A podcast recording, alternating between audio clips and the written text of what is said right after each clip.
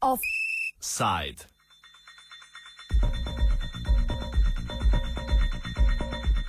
Evropski poslanci so danes v Štrasburu največ pozornosti posvetili proračunu Evropske unije, tako za prihodnje leto kot v naslednjem sedemletnem obdobju.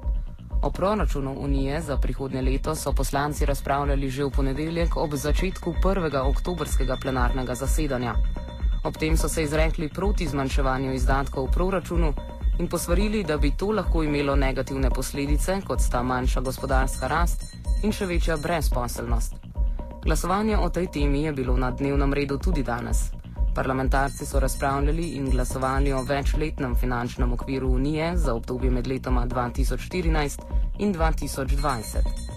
Stališče, ki ga bodo sprejeli, bo pogajalsko izhodišče Evropskega parlamenta za sedemletni proračun, o katerem naj bi politični dogovor dosegli na izrednem vrhu Unije konec novembra.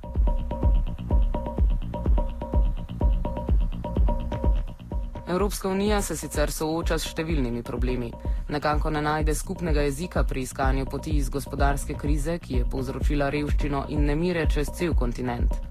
Pogovarjali smo se z Matejem Ačetom iz pravne fakultete in z evropsko poslanko Mojco Kleva. Začenjamo z začetom, ki nam poda svoj pogled v stanje Evropske unije. Evropska unija je še enkrat več v krizi. Ne?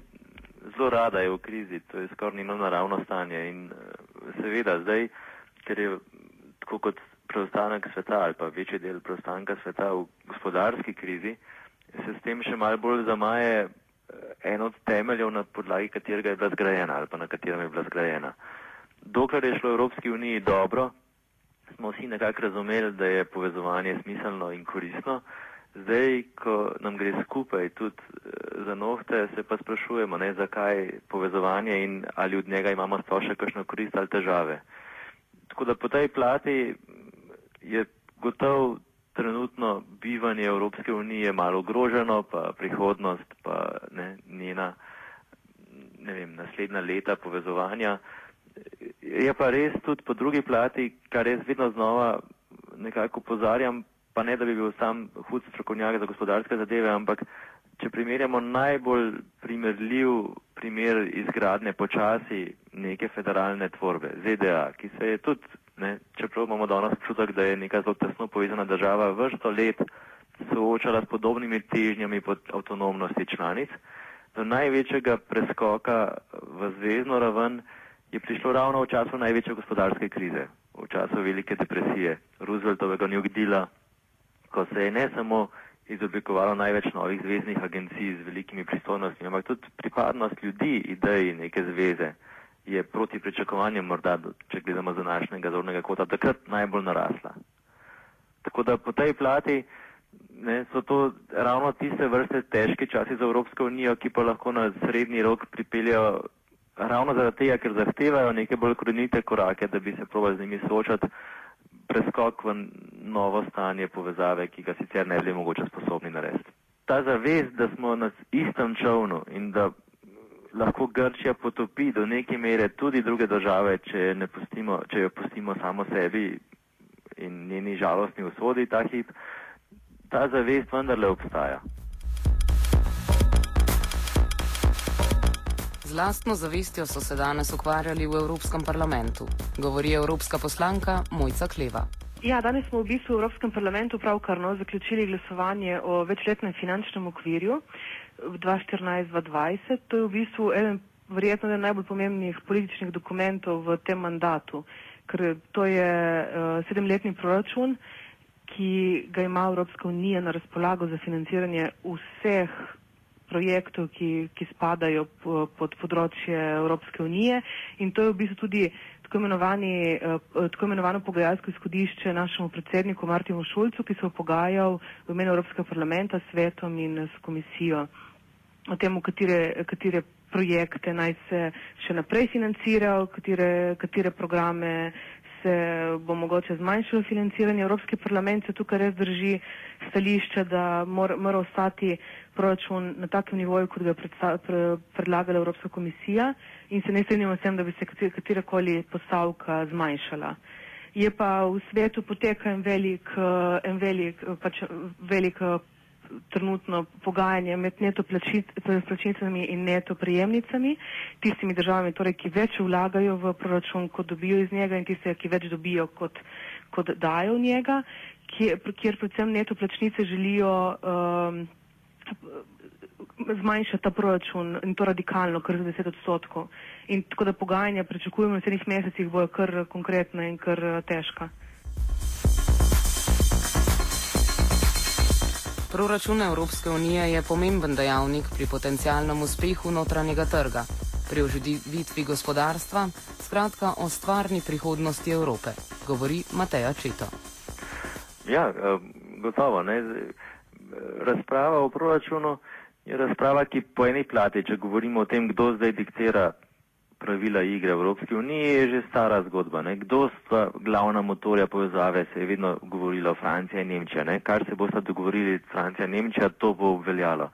Zdaj gotovo najbolj pomembno vlogo brez sence dvoma igra Nemčija, ki je najbolj odločilen partner pri pomoči tistim državam, ki so te pomoči potrebne, s tem pa seveda tudi z močjo svojega gospodarstva, poleg drugih enakih velikih držav, seveda glavni uplačnik uh, v skupno blagajno. Ne, sej proračun Evropske unije ni tako pošastno velik, ker tudi vendarle Evropska unija kot tvorba, ki biva sporedno z državami članicami, ne upravlja vseh nalog, ki jih te upravljajo. Ne. Tako da proračun Evropske unije je seveda omejen s tistim, kar Evropska unija počne tradicionalno določena področja imajo veliko denarja, druga malo manj, kar bi recimo vas, ne, če govorimo o radio študent, lahko zaskrbeli, da je trenutno v velikih škriptih recimo program Erasmus. Ne.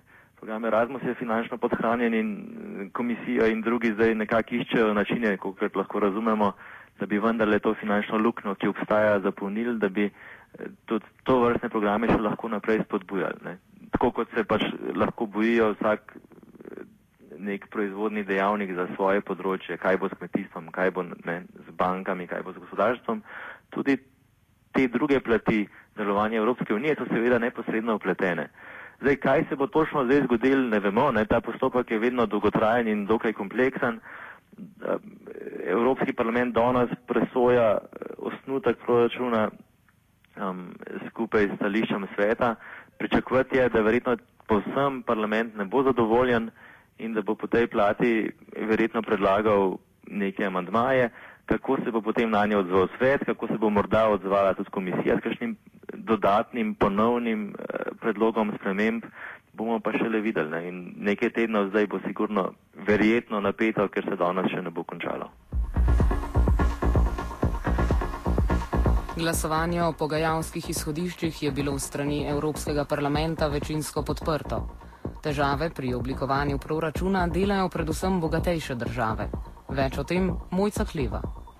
V Evropskem parlamentu je bila ne, to poročilo, bi se to pogajalsko izhodišče lahko to rečem, je bilo zelo močno podprto od vse, strani vseh političnih strank, tako da tu kar se tiče Evropskega parlamenta, smo, zelo, smo se vsi zelo enotni. Problem so v bistvu predsedniki vlad tistih držav članic, ki, so, ki jih ni tako priz, močno prizadela kriza in pač kot naprimer s Cameronom, z Veliko Britanijo na čelu, ne, ki, pa, ki si želi, da bi se eh, ta, ta proračun oklestil.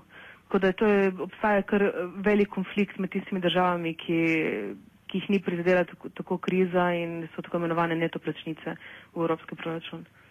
Zakaj tem, rečemo, bogatejšim državam v Evropi eh, v interesu klestenje evropskega proračuna, ker kot vemo, 94 odstotkov vsega proračuna uh, se razdeli nazaj med, med članice? Ja, to je natanko tako. to, je, to je zelo pomembno vprašanje.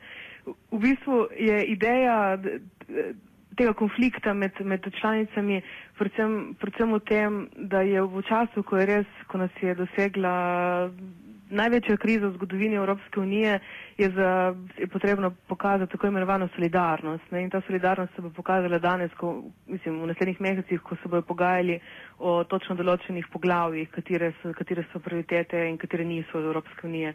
In tu so potem države, ki jih ni prizadela kriza, ki pač pravijo, da bi lahko same boljše preživele, kot pa če, kot pa če morajo solidarnostno pomagati nam, ne, mislim, državam tako imenovanega juga Evrop, Evrope ali pa srednje Evrope, tudi Slovenija spada med njih, med tistimi, ki smo, tako, med tistimi, ki nas je kriza res močno prizadela.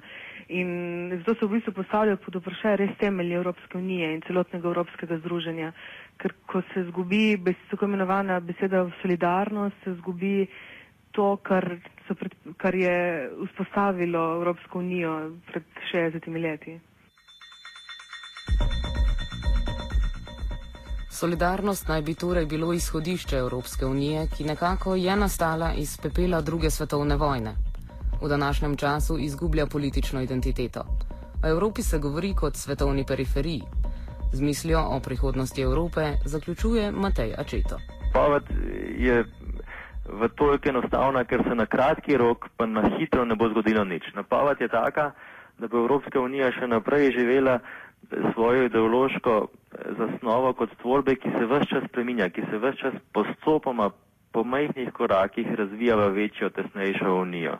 Ne? In po tej plati je najbolj zanimivo eh, to, da ko je prišla Lizbonska pogodba, za nas je bila to prva pogodba, ki smo jo kot članica dočakali, ne? ki je spreminjala temeljne ureditve Evropske unije, eh, smo jo dojemali tako kot še vsako prej, kot nekaj zelo pomembnega, prelomnega, odločilnega. Pa se je zelo hitro izkazali in jaz sem to, kar se bolj ukvarjam s tem, že takrat takoj vedel, da je seveda samo en mejhan kamen na poti k tej tesnejši uniji ali pa k palači, ki jo lahko Evropska unija preslej zgradi in da se gotovo od vsega začetka, ko je Lizbonska pogodba še dobro začela veljati, že snujejo in pišejo osnutki novih pogodb.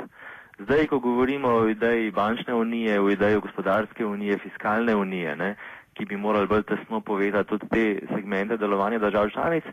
Seveda rešitev za to, če se za nekaj podobnega odločimo, moramo najti v novi pogodbi. In se že pripravljajo osnutki nove pogodbe, ki pa spet, čeprav bomo morda eh, mi eh, dobili severano kot nekaj ponovno prelomnega, odločilnega, ki bo pa zdaj končno razrešilo odprto vprašanje Evropske unije, teh ne bo razrešilo za dlje kot za nekaj let. In čez nekaj let bomo spet ne, potem razmišljali o novi državi, o novi pogodbi, e, tako kot sem jaz nekako domušno takrat razlagal, ko je bilo veliko težav pri e, snovanju in uh, dokončnemu besedilu Lizbonske pogodbe, če bi se še par mesecev več vlekli tiste težave in pogajanja za dokončno besedilo, bi danes na mesto v Lizbonski pogodbi govorili o Ljubljanski pogodbi, ker je takrat takoj za Portugalsko predsedovala Evropski uniji Slovenija in bi potem ne, v času predsedovanja Slovenije podpisali pogodbo v prestolnici Slovenije. Verjetno ni odmuh, spet hodomušno reči, da bomo čez 20 let morda pa vendarle spet govorili tudi o ljubljanski pogodbi, ker bo ena v, v seriji pogodb, ki se bodo osnovale, da bo Evropska unija šla to pot. In posebno za konec, kje pa je tukaj moja želja? Moja želja je, da bi to, čeprav se sliši nelagodno sobivanje nekje ob, ne usporedno z državami članicami, ob državah članicah, ki jim priznava Evropska unija na, po mojem, dokaj pomembni ravni, vendarle tudi če suverenost in, ali pa avtonomnost ne, in njihovo identiteto in vrednote in tako naprej, da bi to sobivanje ostalo na približno enak način aktualno še v prihodne. Kajti en od lepih pečatov uspeha Evropske unije, koliko je že bila uspeh, je bila ravno v tem, da je uspela kdaj premustiti in preseči tiste slabosti, ki jih države imajo kot neke v meje svoje nacionalne identitete in interesov ujete politične tvorbe. In bi bilo po svoje žalostno, da bi potem Evropska unija, ko jih je uspela tako lepo preseči, končala s tem, da bi jih ponovila samo na višji ravni. Veliko bolje se meni zdi, bi bilo še vedno imeti ne, tudi v prihodnje to, čeprav nerodno, ampak na nek način dragoceno sobivanje evropskega in nacionalnega in želel bi si, da Evropski uniji ne bo, ne bo treba hiteti ali pa da se ne bo preveč mudilo v kakšno drugačno obliko. Offside je pripravil Marko.